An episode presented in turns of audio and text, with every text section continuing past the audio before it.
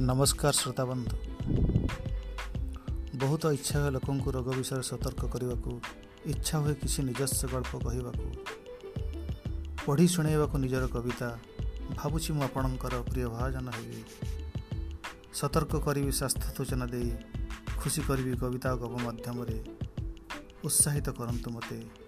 ହଁ ଉତ୍ସାହିତ କରନ୍ତୁ ମୋତେ। ଧନ୍ୟବାଦ।